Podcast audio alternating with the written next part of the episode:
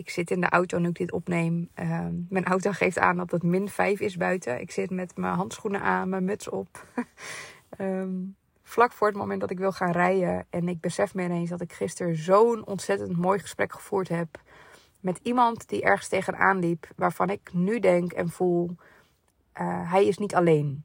En wellicht herken jij je in zijn verhaal. En kun jij wat met uh, het advies wat ik hem heb teruggegeven.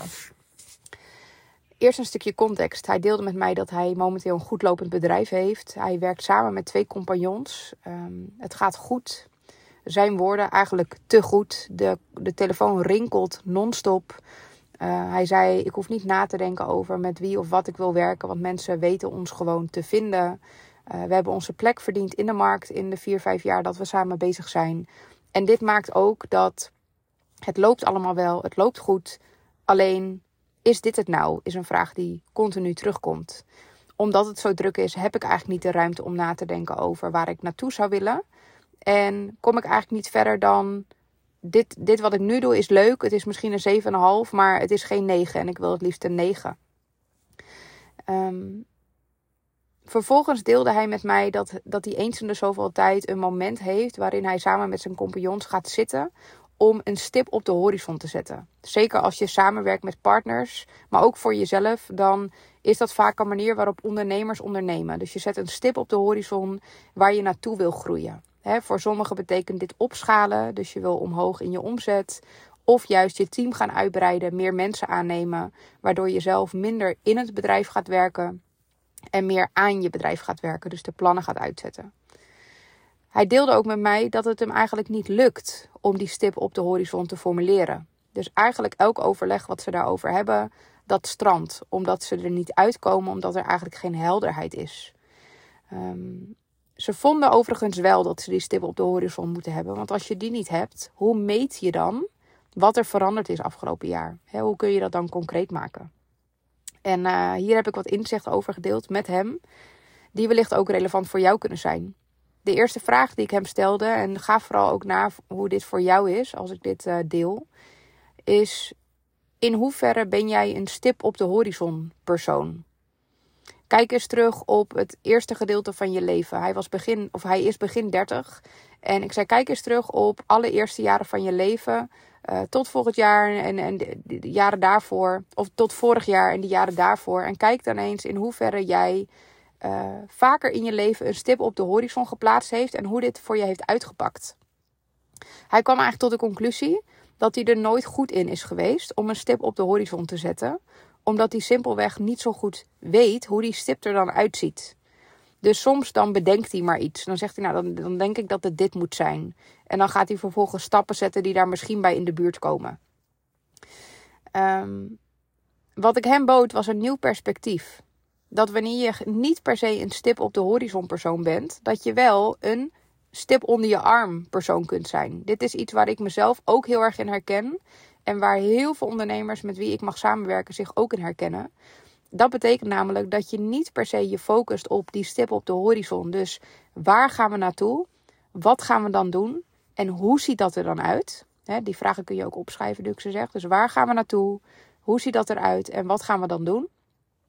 Ineens wordt dat minder relevant als je die stip onder je arm houdt en zegt: Ik blijf aanwezig in mijn proces.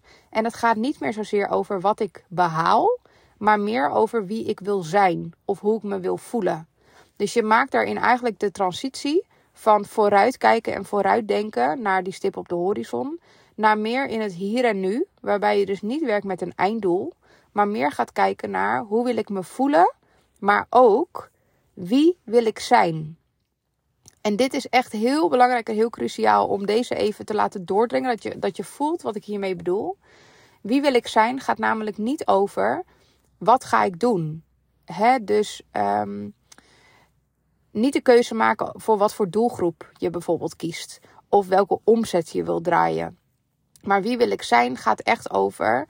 Bijvoorbeeld als je merkt dat er iets in jou een beetje aan het borrelen is. En je merkt dat je het niet meer zo leuk hebt met wat je nu allemaal doet dat jij wellicht voorheen de persoon was die soms drie, vier jaar moest nemen om dat helemaal te laten doordringen. Bijna in een burn-out terecht moest komen. Voordat hij een beslissing gaat maken van nou, mijn bedrijf ga ik nu een andere kant op sturen. Of ik neem afscheid van uh, mijn teamlid, mijn VA, met wie het eigenlijk niet stroomt. Of andersom, ik ga toch maar iemand aannemen, want ik merk dat ik overloop. Voorheen was dat misschien, was jij de persoon die dat jarenlang volhield, totdat het echt niet meer anders kon. En als je dan nu op, opnieuw jezelf de vraag stelt van wie wil ik zijn, kan het dus zomaar zijn dat jij besluit dat je de persoon bent die na drie signalen besluit om er iets mee te doen. Dus je wacht niet meer een jaar, twee jaar, drie jaar, vier jaar. Maar je besluit om dit te gaan evalueren. En om misschien zelfs binnen een maand een knoop door te hakken. Dus wat hierin verandert is dat het niet per se gaat over uh, wat je doet of hoe het eruit ziet. Maar dat het allemaal begint met wie wil jij zijn? Hoe gedraag jij je? En dat, dat schept gelijk een breder perspectief. Het volgende wat hierin ook heel erg relevant kan zijn voor jou, dan moet je maar even voelen hoe dat voor je is als ik dat zeg, is dat je niet gaat werken met einddoelen of mijlpalen. dus dat je weer wederom team uitbreiden, omzet, opschalen, nieuwe locatie erbij of afscheid nemen van die dienst of noem maar op. Maar dat je echt gaat werken met procesdoelen. En procesdoelen zijn niet dus per se gericht op het eindresultaat. Maar procesdoelen kunnen ook echt gaan over het uh, aanleren bijvoorbeeld van een nieuwe skill dus als jij merkt dat je normaal gesproken veel in je hoofd zit, dan kan een procesdoel zijn dat je elke dag opnieuw in ieder geval 10 minuten gaat schrijven. Om te voelen wat er in je systeem uh, aan, de, aan de hand is. Zodat je patronen en blokkades kunt herkennen en daardoor kunt doorbreken. Een procesdoel kan ook zijn dat als jij merkt dat een omzetdoel stellen voor jou niet het verschil maakt. Hè, dus misschien heb je gezegd: ik verdien normaal 15k in de maand dit moet ik kunnen verdubbelen. Dus dat wordt 30k per maand. Als jij merkt dat dat je niet lukt uh, op dit moment, dan kan het ook heel erg helpend zijn om niet die stip op de horizon na te jagen van die hogere omzet, maar om te zeggen: ik maak er een procesdoel van. En mijn procesdoel is uh, dat ik uh, gemiddeld drie klanten per week zelf benader om in gesprek te gaan en te kijken waar zij staan en te voelen of dat wat ik aanbied, of dat past bij wat zij zoeken. En dan kan een procesdoel dus zomaar zijn dat je beter wordt in sales. In plaats van dat je je dus alleen maar focust op kale omzet. Dus procesdoelen zijn ook toch wel vaak skill gerelateerd. Hè? Dus dat je gaat kijken waar valt er nu een gat en waarin mag ik me ontwikkelen. Wat ik vaak zie bij mijn klanten is de reis die zij dan bijvoorbeeld maken met procesdoelen, is de reis van hun hoofd naar hun hart. Dus ze hebben bijvoorbeeld huiswerkopdrachten dat ze schrijven, mediteren, meer wandelen, uh, zichzelf proberen te vangen in gedrag wanneer ze merken dat ze in hun hoofd cirkeltjes lopen. Dat ze de transitie maken naar: hé, hey, wacht eens maar, wat voel ik hierbij? Wat voel ik? Wat heb ik nodig? Dus dat is veel meer um, gericht op het doorbreken van de cyclus om niet in hun hoofd te zitten, maar dichter bij hun hart te komen. Dat is een heel ander doel wanneer je zegt, dan wanneer je zegt, nou, die stip op de horizon is uh, vijf nieuwe mensen aannemen. Um, dat is dan vanuit het hoofd bepaald. Terwijl je misschien onderweg merkt, het past niet meer. Ik voel helemaal niet de ruimte. Ik wil eigenlijk helemaal geen mensen aansturen. Ik wil gewoon veel meer zelf bezig zijn met het makerschap bijvoorbeeld. Of in het creatieve proces zitten. En wanneer jij dan een procesdoel gaat stellen om meer te gaan voelen wat er gebeurt in je lijf. Dan blijf je dus ook in essentie meer contact met wat er binnenin jou leeft. Dus nog even resumerend. Ga voor jezelf eens na of jij echt een stip op de horizon persoon bent. En van waar die stip dan ontstaat. Of dat vanuit een vurig verlangen is dat je voelt, ja, dit voel ik echt helemaal en dit wil ik. Of dat het vanuit het hoofd bedacht is, omdat je vindt dat je een ondernemer bent. En als ondernemer moet je toch wel die stip op de horizon hebben. Of dat jij wellicht, net als ik en net als veel van mijn klanten, ook open kunt staan voor een nieuw perspectief.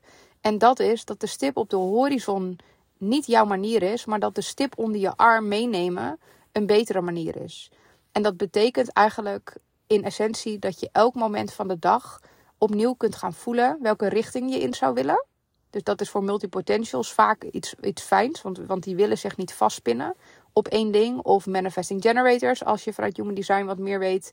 Um, dat zijn ook vaak mensen, ben ik zelf ook, die van afwisseling houden.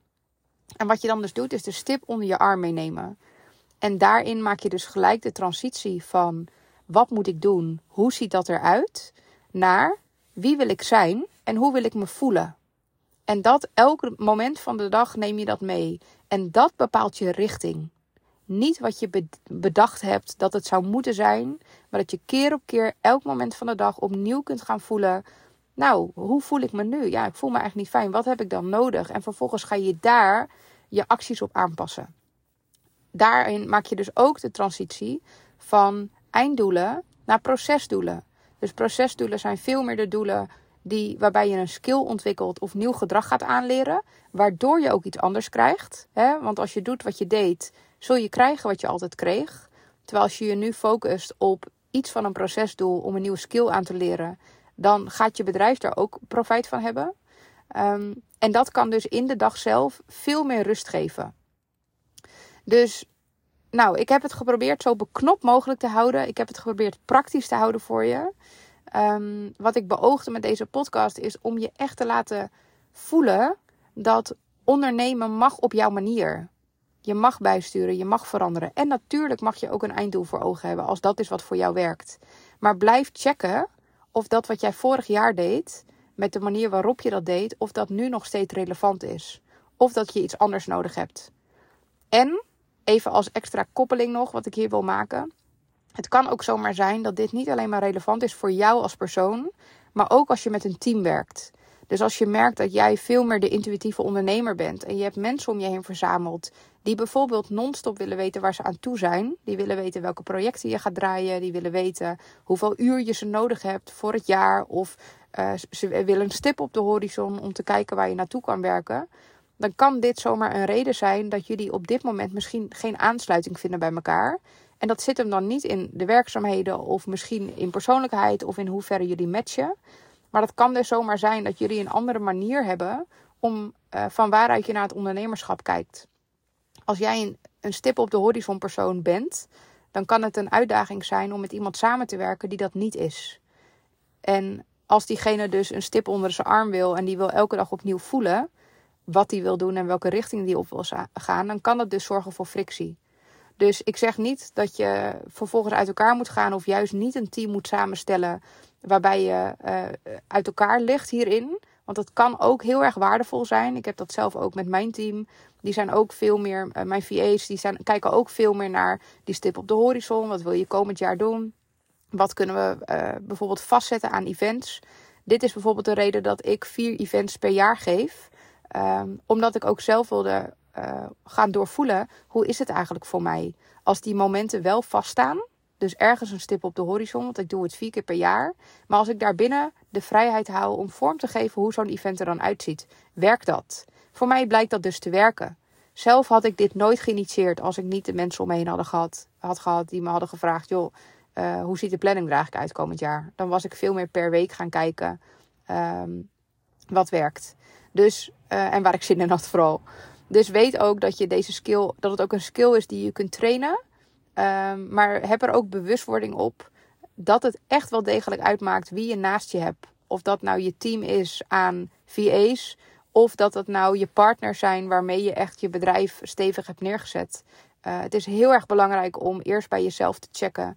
Wat heb ik nodig en wat werkt voor mij? Mocht je nou een persoonlijk um, ja, ik zou haar zeggen, een persoonlijk advies of inzicht te hebben. Zoals ik dat gisteren had met degene met wie ik in gesprek raakte hierover. Um, trek me even aan mijn jasje. Weet dat ik in mijn podcast altijd nieuwe dimensies probeer te delen met je. Maar dat wanneer ik één op één met jou zit, of met jou en je zakenpartners, als je het met z'n allen doet, um, dat ik veel meer toegespitst op jou vragen kan stellen. Die voor jou weer tot inzichten zorgen en voor doorbraken zorgen. Dus als je hier al heel veel aan had, super fijn en wellicht kun je hier verder mee. En als je merkt, nou, ik wil eigenlijk nog wel dat stapje verder, ik heb iets meer nodig. Of je denkt simpelweg, jeetje, als ik in de algemene zin van het woord nu al zoveel uit Babette haar podcast haal, hoe is het dan als ze één op één met mij echt in mijn situatie met mij meekijkt op persoonlijk niveau? Um, weet dat je bij me terecht kunt. Kan je even naar mijn site gaan, babettasseron.nl. Of stuur me eventjes gewoon een uh, Insta DM via het Babette Tasseron um, happy to help. En we kunnen altijd even vrijblijvend een uh, intake inplannen. En elkaar even spreken, zodat ik even kan horen of de fase waar jij nu doorheen aan het gaan bent met je bedrijf en persoonlijk, of dat iets is waarin ik naast je zou kunnen en willen wandelen. Um, dus voel je vrij. En voel je ook vrij om met me te delen wat je waardevol vond aan deze podcast. En als je het echt te gek vindt, alles wat ik met je deel, superleuk als je me 5 sterren wil geven. Nou, ik ga hem afronden. Ik ga lekker rijden, want het is heel koud in de auto. Ehm, ik wens jou een heerlijke ochtend, middag, avond, nacht, afhankelijk van wanneer je dit luistert. En ik hoop tot heel gauw.